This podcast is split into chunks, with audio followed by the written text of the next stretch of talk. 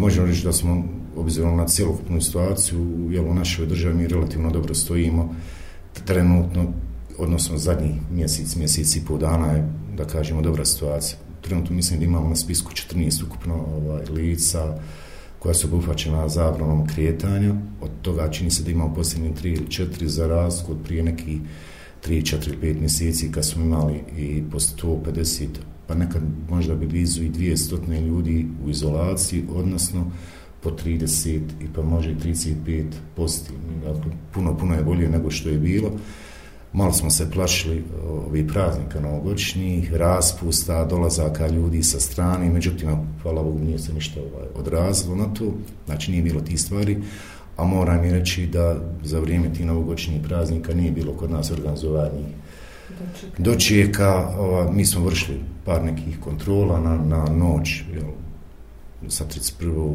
decembra na 1. januar u novogodišnjoj noći zaista nismo imali nigdje takvih problema niti je bilo takvih okupna, tako da mislim da je i to jedan još od razloga što je ovakva situacija, da kažem, još uvijek relativno Dobro. Imamo li osoba u kliničkom centru? U kliničkom centru čini mi se da imamo jedno zvano lice, Mhm. Jeste, to je zadnji za lic, više nemamo, Prije smo imali e, troje, da. izašli su, mislim da na kliničkom centru imamo samo jedno lice mhm. koje je u izolaciji, odnosno hospitalizovano. Evo kreće školska godina u ponedjeljak 25. E, mhm. januara i vi ste vjerovatno upućeni u sve instrukcije iz Instituta za zdravlje i sigurnost hrane i kriznog štaba ministarstva. Hoće li se ići na, oblažavanje ublažavanje mjera? Koliko ste o tome informisani? Pa, znate kako situacija teško nama, odnosno našoj državi, donositi neke posebne mjere, a ne biti u skladu sa, sa, mjerama koje se donosi u svijetu. Na kraju kroju imate i stav svjetske zdravstvene organizacije, imate upite koje morate i njihove direktive koji se moraju slijediti. Ono što je kod nas dobro, dobro je što, što su ovakve mjere donijeli ovako dobre rezultate. Pa evo, svjedosti i sami da, da se malo, malo neko ti strani izvančnika začudi kako Bosni i Hercegovini ima toliko malo postojnih slučajeva ova, ono što mi mislimo da te mjere ne donose uspjeh, one zaista donosi.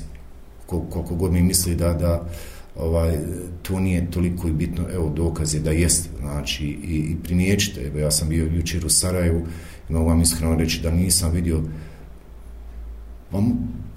u stvari da kaže da sam vidio vrlo mali broj lica koji, koji šeta bez maske. Mhm da se taj, kao zove, distanca isto tako poštuje, i ta okupljanja se isto tako poštuje, i kontrolu u objektima se poštuju. Vidim, imaju lica koja su zadužena, mjeri temperaturu, upozoravaju lica koja eventualno uđu bez maske ili pokušavaju da uđu da stavi masku i tako dalje. Mislim da se te mjere provodi i sad je sam pitanje koliko to narod primjeći. Ali u biti one su dale rezultat, ovo nije došlo samo po sigurno i, i to je sve imalo efekt. I, i ove organizovanje, nastavi na ovaj način, razumijem da je to zaista teško, teško roditeljima, teško prosvjetnom osoblju, teško djeci, svima je teško, ali u, ovakvom vremenu i u ovakvoj situaciji se moraju naći neka rješenja koja će jel, dati neki pozitivni rezultate, drugačije nije moglo eto, nadam se ako bude i poslije vakcinacije i svega da će to lagano se smirivati,